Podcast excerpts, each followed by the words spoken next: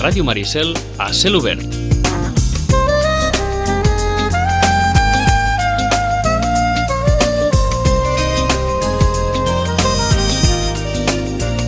Ja ens anunciava la Rosana que el setembre seria un setembre carregat de novetats i de, i de novetats eh, importants. Ens espera també el dia de, de Santa Tecla, a finals de mes, el darrer llibre de Javier Marías, que li comentàvem precisament a la, a la Rosana, que ens havia semblat un, un títol molt bo per aquesta història íntima d'un matrimoni.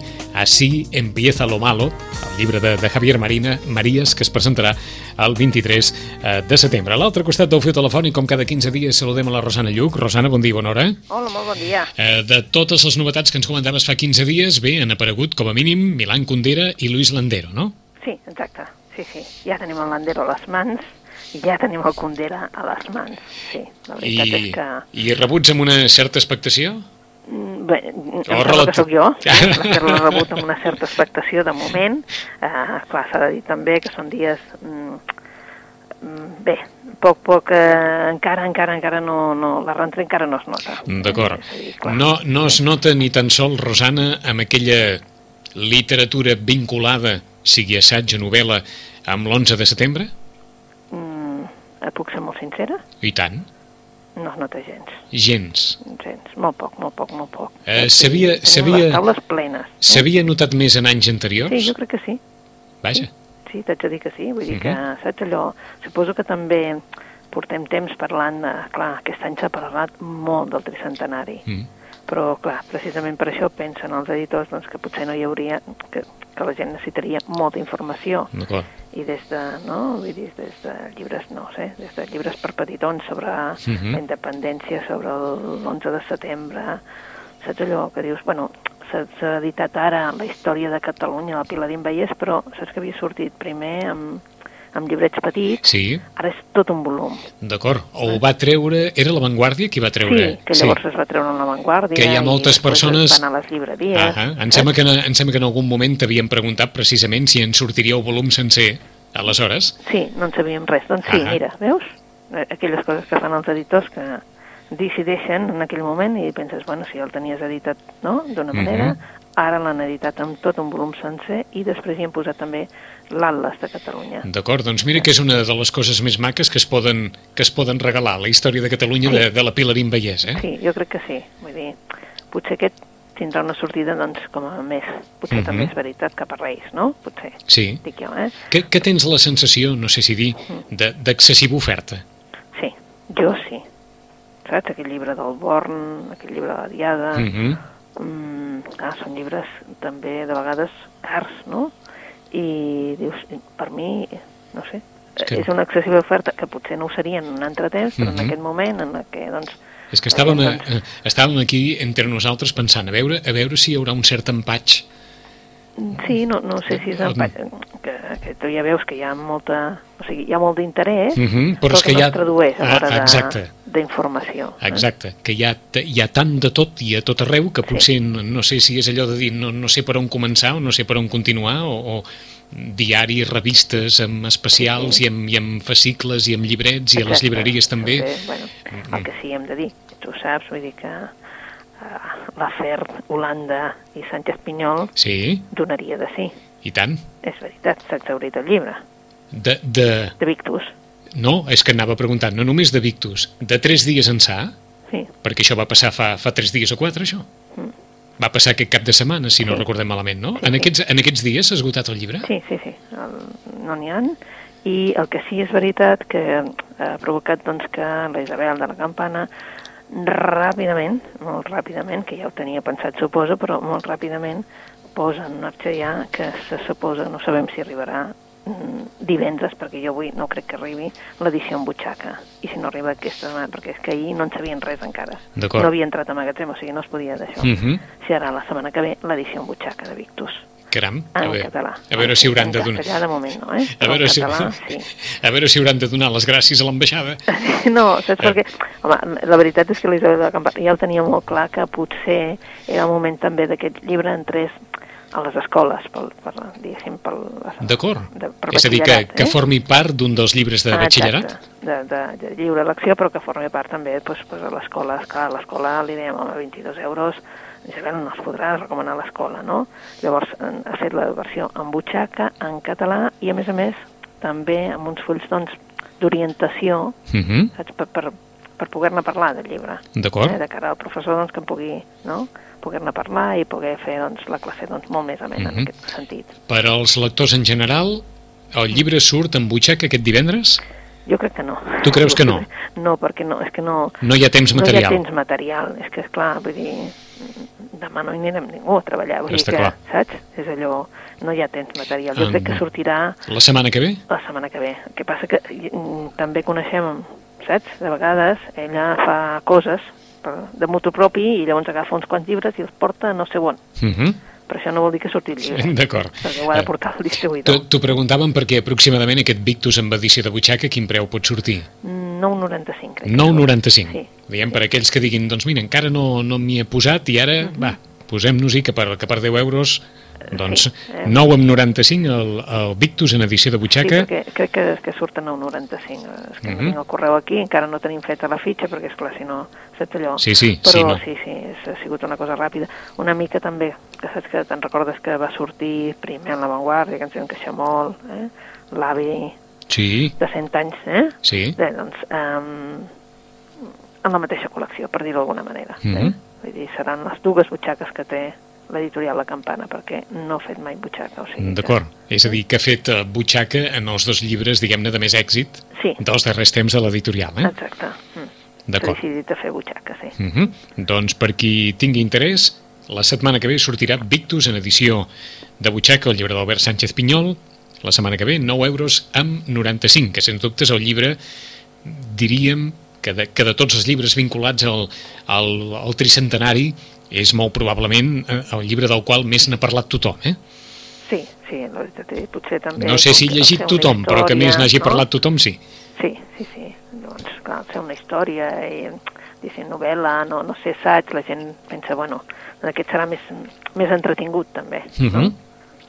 Doncs hem començat amb Victus Mm. i hem anat a parar a Victus ara mm, venint d'aquest, vaja, d'aquesta pregunta que li fèiem a la Rosana de si els llibres vinculats amb l'11 de setembre havien tingut un especial interès per part de, dels lectors o dels clients i la Rosana ens deia que aquest no ha estat un any precisament en què els llibres vinculats amb, amb l'11 de setembre hagin, hagin sortit molt, però tot plegat eh, fèiem referència a aquestes dues novetats acabades de sortir de Milan Kundera i de Luis Landero. Què més ha de sortir en aquests propers dies o què ha arribat, eh, diguem-ne, que hagi generat especial, Bueno, especial el, interès? El dia, el dia 16 Mhm. eh, surt eh, el tercer, el, el llibre que clou la trilogia El que havien dit de Ken Follett, del no? Ken Follett. Potser és el, el més esperat. Uh -huh. Jo diria que és el més esperat en, en el sentit de que hi ha més públic lector, no? o sigui, més lectors que l'estan esperant, o bé, com a mínim, en saben que en tenen notícia doncs, que, que sortirà aquest llibre. D'acord. Dimarts que ve, Ken Follett. Demà que ve Ken Follett, sí. Doncs aquest és un dels que, eh, que ha sortit així, bueno, que sortirà així, saps allò, amb més premsa darrere, mm, jo crec, eh? Mhm. Molt més que tots els altres, evidentment, perquè han tingut, mm, diguéssim que no, no han posat ni, ni pòsters per en les llibreries, ni res de res, expressament, i després suposo que sortirà així, saps? Uh -huh. Tots els mitjans de comunicació alhora Se'n faran, exacte. llibre. És a dir, que molt probablement el, el, el dilluns o el mateix dimarts tinguem un bany de Ken Follett per tot Exacte. arreu, no? Per tot arreu, per tot arreu. Vull dir, jo crec que estan esperant, doncs, no?, tota la bateria, Ah, posar-la al mateix. Eh? d'acord. Ken Follett, després de Ken Follett? Després de Ken Follett, amb, així, amb llibre, jo crec que el, La verdad i otras mentiras, així com a entretingut, uh, hi ha el Villatoro, que també treu llibre un dia d'aquests. Mm? Vicenç Villatoro? El Villatoro, sí, Mhm. sí, treu llibre, el Villatoro treu llibre, i ara hauria de dir el dia, però em sembla que surt uh, més cap al 20 i alguna cosa, però vaja. Final de mes, vaja. Eh? Final de sí, mes, vaja. Sí, crec que, que surt cap a... mm, Bueno, ara no tenim un nom, ara sí que no, no sé com, no, com se diu, ara hauria d'entrar a la web i llavors t'ho diria. Eh? Mhm. Però vaja, en principi el Villatoro serà un dels autors en català també que, que evidentment ens sentirem a parlar. Se sap alguna cosa d'aquest llibre? No, No. No, no, no tampoc. I la gran expectació és octubre també, d'aquest no en sabem res, i la gran expectació és l'octubre perquè surt uh, Lluís Llach. Vaja. Eh? El segon, novel·la, el, la segona novel·la seria, la no? segona novel·la del Lluís Llach, sí. Mhm. eh? Vull dir que, clar, això també eh, és una sorpresa, Sí. vull dir, en sabrem No se'n sap res, tampoc, eh? no, no, no, no, no. Eh, jo l'altre dia els hi deia, perquè doncs, hi ha una cosa amb els llibreters, amb el Lluís Llach i tal, i els hi deia, l'altra vegada ah, ah, que ho veu fer, vam anar amb, la llibre, amb el llibre llegit. Vull dir, per poder parlar amb el, amb el Lluís Llach, Sí. però clar, aquesta vegada no, aquesta vegada no tenim llibre, eh, surt a l'octubre, encara suposo que l'estan acabant de les portades, etc i no tenim llibre. D'acord. L'únic que se sap és que a l'octubre sortirà la segona novel·la de Lluís Llach. Exacte, i el que em deies del Villatoro Sí. és un home que se'n va. Un home que se'n va. Sí, eh? i sortirà el dia 18 de setembre. Uh -huh. Eh? O sigui que la, la setmana que ve també, el Sí, dijous sí, de la setmana que ve. Per això deia, espera, que, que, que ara no en recordo, però, Mhm. però sí, eh? I diria que torna a ser eh? un home que se'n va. La, la portada també és molt bonica i suposo que és una mica, doncs, de parlar d'un avi. Eh? D'acord? Eh? És a dir, del final d'una vida. Sí, Sí? sí, sí. Bueno, Ah, ho dic per les si- causes que van fer que el seu avi abandonés Castro del Río. D'acord. És a dir, i suposo que vingués aquí com a emigrant. Uh -huh. O sigui que hi ha un, un punt de, de biografia familiar. Exacte, sí, sí, sí. No sé si, saps allò, no sé si vas llegir l'altre dia un article en que es parlava d'aquesta literatura d'extimitat, no? Hm. Aquesta, la intimitat treta una mica cap a fora. Sí, que Però n'hi ha... també jo suposo que no és tant això, sinó com, a veure, si hi ha alguna cosa que pots parlar, no són de coses Sí, que passen al teu voltant, però o ha, coses teves, no? n'hi ha molta d'aquesta, eh? Sí, Perquè des del llibre de, de Rafael Nadal, sí, per exemple, Molta. molta, Molta. eh, diguem intimitat, allò que, que vaja, que algú diria autobiografia o que- com, Sí, sí, com sí. es vulgui, com es vulgui Aquell dir. llibre que jo et deia del Landero, que a mi m'ha agradat Sí. moltíssim. I trobo que sí, que és això, és la seva intimitat, és que Mhm. és la seva intimitat, Sí, sí. realment. És a dir, una, un, un, una glossa, un esbós, un dibuix de la vida de l'avi de Vicenç Villatoro. Sí, i perquè doncs, eh, aquest senyor que es veu que, doncs, que vivia una vida, doncs, eh, un, segons diu, eh, era un regidor de l'esquerra burguesa i comerciant en teixits i estava condemnat a mort pels franquismes, pels, pels franquistes, Sí. perdó. I clar, eh, va ser migrant i clar, eh, és aquella figura, suposo que ell té com a figura, com l'avi Vicente, com a figura enigmàtica en la seva vida i que ara suposo que deu haver buscat també informació a la família, Ahà. deu haver fet aquesta, un home que se'n va. D'acord. O sigui, un cert referent vital de Vicenç Villatoro, no? Exacte. D'acord. Doncs un home que se'n va aquest proper dijous, 18 de setembre, surt a la venda. Per tant, la setmana que ve, dimarts, Ken Follett, dijous, Vicenç Villatoro, de cara a l'octubre, Lluís Llach, i com comentàvem, a final de mes, el llibre també de, de Javier Marías, Sí. eh, Así empieza lo malo, eh? que, que apareix en, a les llibreries el 23 de setembre. Sí, l'Anna Maria Matute també treu llibre, malgrat era l'últim que tenia, eh? i que abans que morís doncs, no es va poder presentar, i surt ara el 23 també, o sigui Uh que... El d'Anna Maria Matute, Anna Maria Matute, Demonios familiares, carai. O sigui que també saps una obra que, Uh -huh. que és la darrera seva, eh? Sí. Vull dir, saps, un, segons diu la sinopsis, allò, una història d'amor i culpabilitat, eh? de, de traïcions i amistats en aquell estil que tenia la- l'Anna Maria Matute. Eh? Per tant, any 36, protagonista femenina, demònies familiares, sembla també allò que estàvem parlant fa un moment, eh? d'aquesta literatura de que agafa la Sí, intimitat. sí, Mm? és cert. I hem de suposar que, que amb una dona com, com Anna Maria Matute ma, madura ja, en, entrada en les belleses, està clar que, que això té una transcendència especial. Eh? Sí, sí, sí. Demonios familiares, també un altre de, dels llibres a punt d'arribar, l'obra pòstuma d'Anna Maria Matute. Vinga, per on comencem les recomanacions, Doncs Rosana? començarem per una que, bé, mm, diguéssim que el títol és l'únic que és feliç, eh? La Yasmina Ressa acaba de publicar Feliços els feliços. Recordeu que en català i en castellà. Ho dic així perquè és que, si recordes, Anagrama també publica ara en català. Sí, Per tant, ells mateixos han publicat l'edició, la traducció al castellà i la traducció al català. feliços els feliços. I la Jasmina Rosa, vull dir, vull dir de feliç, feliç, feliç, vull dir, cap dels personatges, eh? Vull dir, són narracions en les que estan implicats els mateixos personatges, però és el punt de vista de cada un d'ells, com si diguéssim, no? Cada una de les narracions comença amb el nom d'un personatge i llavors doncs, veus doncs, una situació no? i com es desenvolupa aquella situació.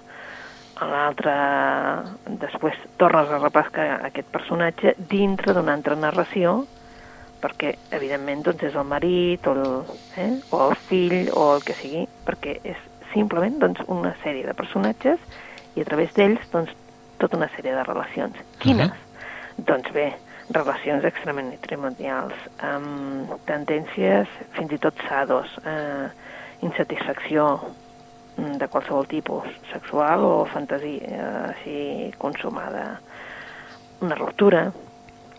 De fet, mm, finals feliços, molt pocs, eh? des d'una senyora que va al metge, va, està a la visita de l'oncòleg de radiologia i està parlant amb un altre senyor que evidentment està molt més fumut que ella i està dient que ella coqueteja amb el metge, vull dir, saps? El fill que no sap on posar-se, vull dir, saps allò que dius? Són situacions, no?, que diries uh, que dura, no?, que és la Yasmina Reza, però alhora són mm, situacions doncs, que que tu les veus com a molt, molt, molt, uh, molt properes, en el sentit de que uh, et fa viure aquelles situacions, no? Uh, anem descobrint, doncs, això, no? Un, una trama de, de relacions totalment inesperades, eh? Vull dir, des d'un matrimoni que, que veu que el seu fill que el primer que era com una gràcia, no? que estés imitant la Celine Dion, era com una gràcia, sí. al final el nano acaba doncs, pensant-se que és Celine Dion. Dion i com ells, eh, que d'alguna manera aplaudien quan cantava, etc etc, uh -huh. ara es troben amb un problema molt gran i que fins i tot amb els seus íntims amics, amb els seus íntims, íntims amics, fins a un moment donat, ell no explota i els diu que el tenen ingressat en un, en un centre, en comptes de dir els he estat explicant que és que està estudiant a Londres, no?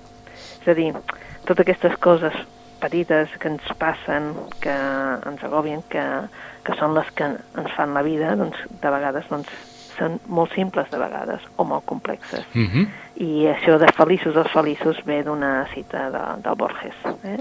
I per tant, ella, ella posa aquest títol de feliços els feliços doncs, amb això, per, per aquest aquesta cita del Borges. Eh? Un, un llibre duret, hem de pensar, eh? Sí, sí, sí, totalment sí, dur. Totalment dur. Sí, sí, s'ha de dir que és dur. Eh, però allò d'ànimes sensibles, compte?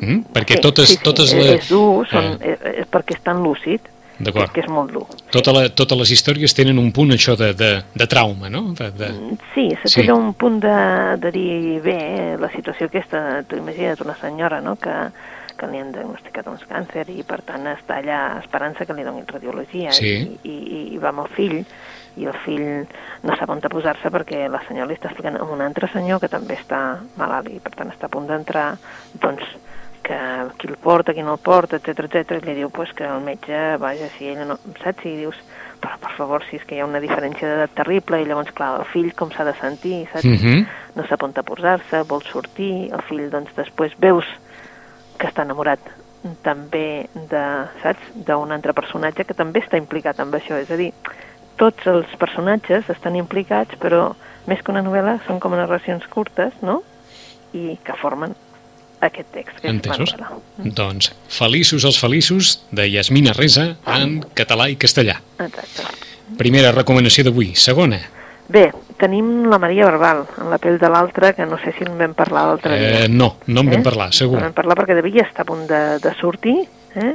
Doncs bé, ja tenim a les mans la Maria Barbal com a una de les autores, va ser potser la primera que va sortir en, així, en català, no?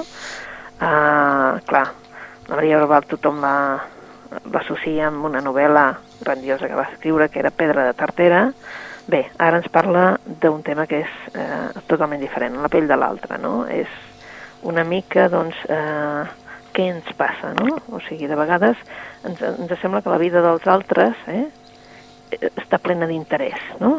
i d'oportunitats, de coses que podríem fer, i la nostra eh, és una veritable porqueria, vull dir, no ens agrada, vull dir, ens sembla molt rutinària, i què passa si un bon dia decideixes agafar la vida d'un altre, no? Mm. Llavors, ella doncs, la va copir molt el fet de, doncs, de, d'aquell, uh, com se diu, el Joaquín Marcos deia, aquell senyor que, que va, va fer veure que havia anat als camps nazis i era del... Uh, no, sé si es deia, no sé si es deia Joaquim, però et refereixes es a aquell home... Marco, sí. Marco, sí, eh, sí, aquell sí. home que es va fer passar per, eh, per, Exacte. per víctima d'un camp de concentració, membre de l'amical de Mauthausen, etc etc. Eh? Doncs ella el, la va cobrir molt aquest, aquest tema sí. i decideix doncs, fer una novel·la sobre aquest tema. Doncs aquesta necessitat d'inventar-te una vida, no? I, vaja, fer-los creure els altres que ha tingut una vida que no has tingut. Eh? Mhm. -huh. És per això que escriu aquesta, doncs, doncs uh, en la pell de l'altre. Carai, eh? com estem, eh? Perquè sí. fa 15 dies ens parlaves que el 18 de setembre, que aquest 18 de setembre, la setmana que ve, surt el llibre de Sasha Arango, La verdad y otras mentiras, que era aquella història sí. de eh, aquell escriptor sí, que... escriptor, que és la dona la ah, exacte, i que eh, l'escriptor que... viu la vida que la seva dona no ha volgut, doncs sí. en aquest cas eh, diguem-ne que estem en un, en un altre, sí, en un altre vessant d'una qüestió semblant. Eh? Diguéssim que aquí eh, diguéssim que la, ment la mentida que, que està vivint sí. la viu així d'una manera molt d'això, però clar, eh, bé, va, tot acaba malament eh, el sentit de que si tu vius una mentida, a veure, arriba un mm -hmm. Que o es descobreix la sí, veritat sí. o, o bé, aquesta però, però em refereixo a aquest, no? aquest fet d'adoptar una altra personalitat, no? Sí, exacte. I llavors l'altre, el de la xarxa, el del d'aquest autor alemany, sí, Arango, Ango. aquest és que, vaja, es converteix en un psicòpata. Eh? Mm -hmm. Vull dir que...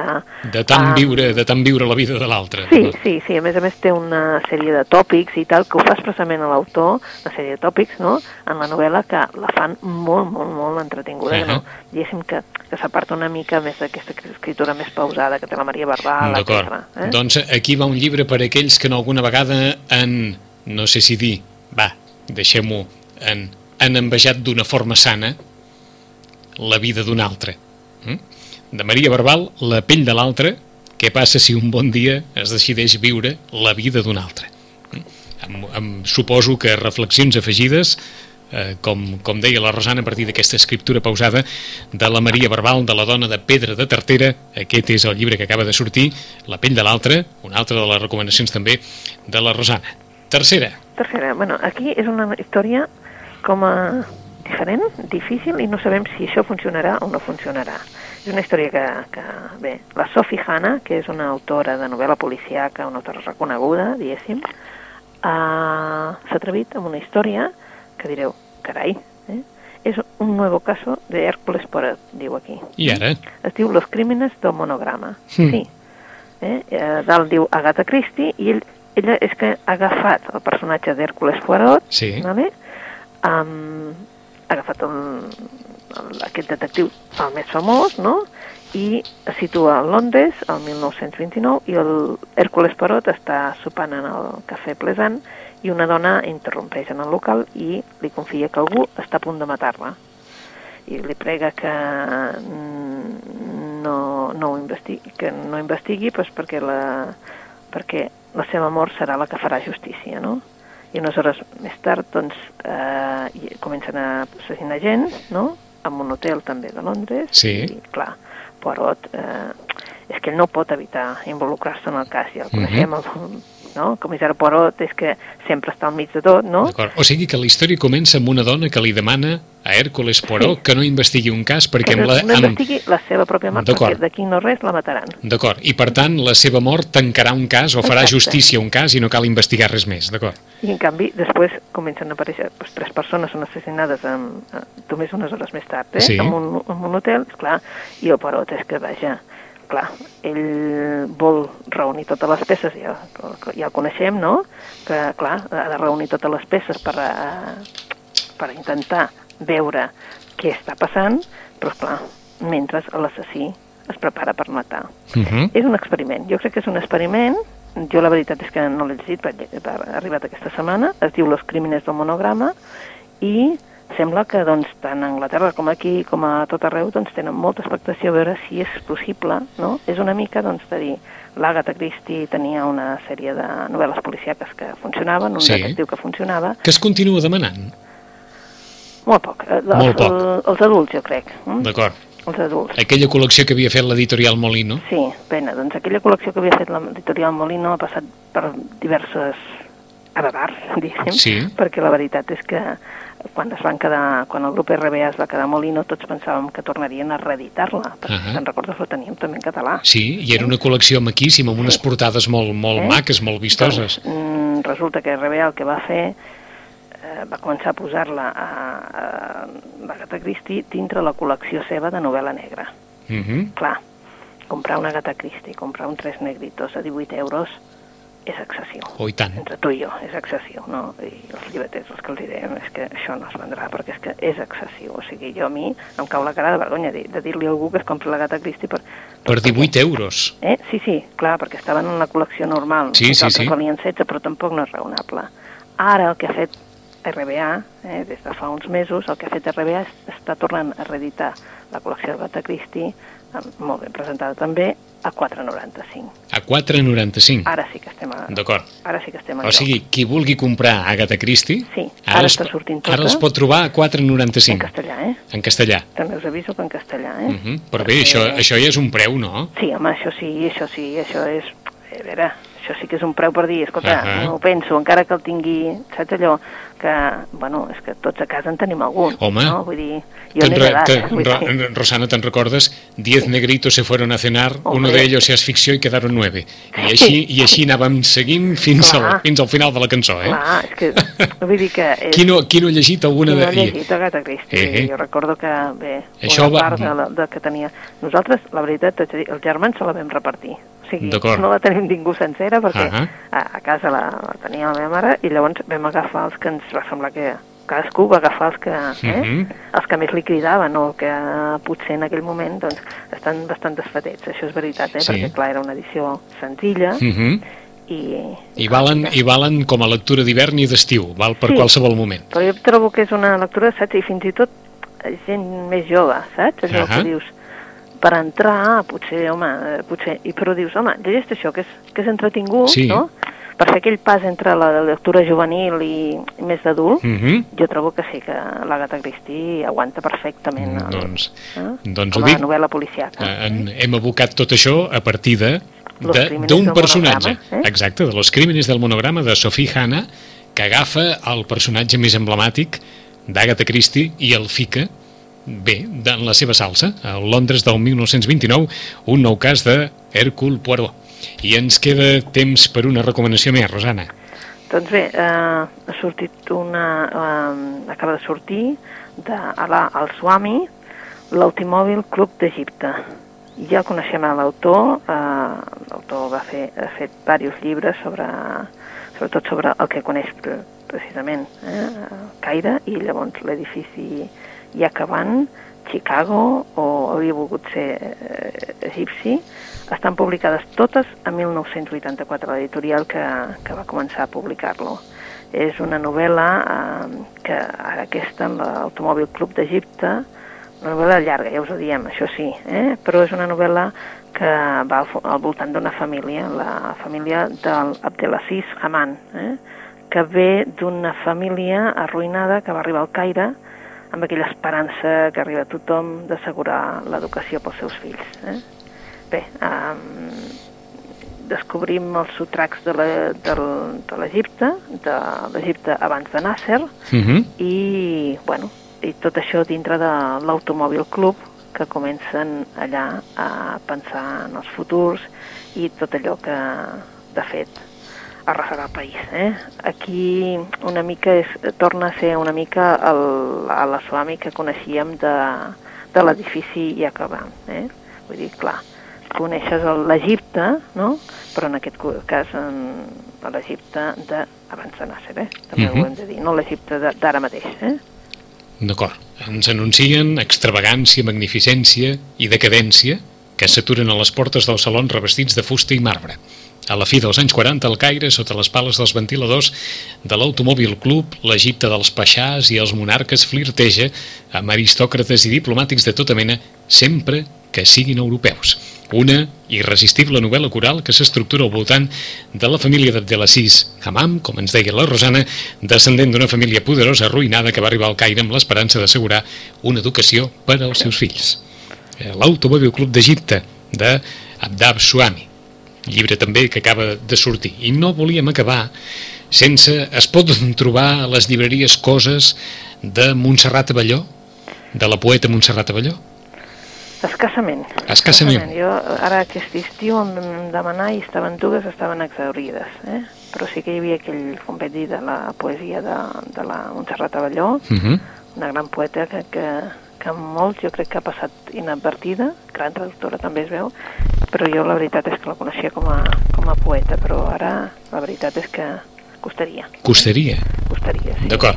Però suposo per- que ara faran un esforç de veure què tenen a magatzem, saps? Uh -huh. Vaja, vegades, que, que costa això, eh? gaires, Uh? -huh. De vegades, doncs, eh, eh, corren poc, però vaja, eh? vull dir que sí que la veritat és que aquell, el- l'últim que em sembla que va sortir era Cares a la finestra de, de Galàxia, Mhm. de Galàxia Gutenberg, que ja va ser un dels que...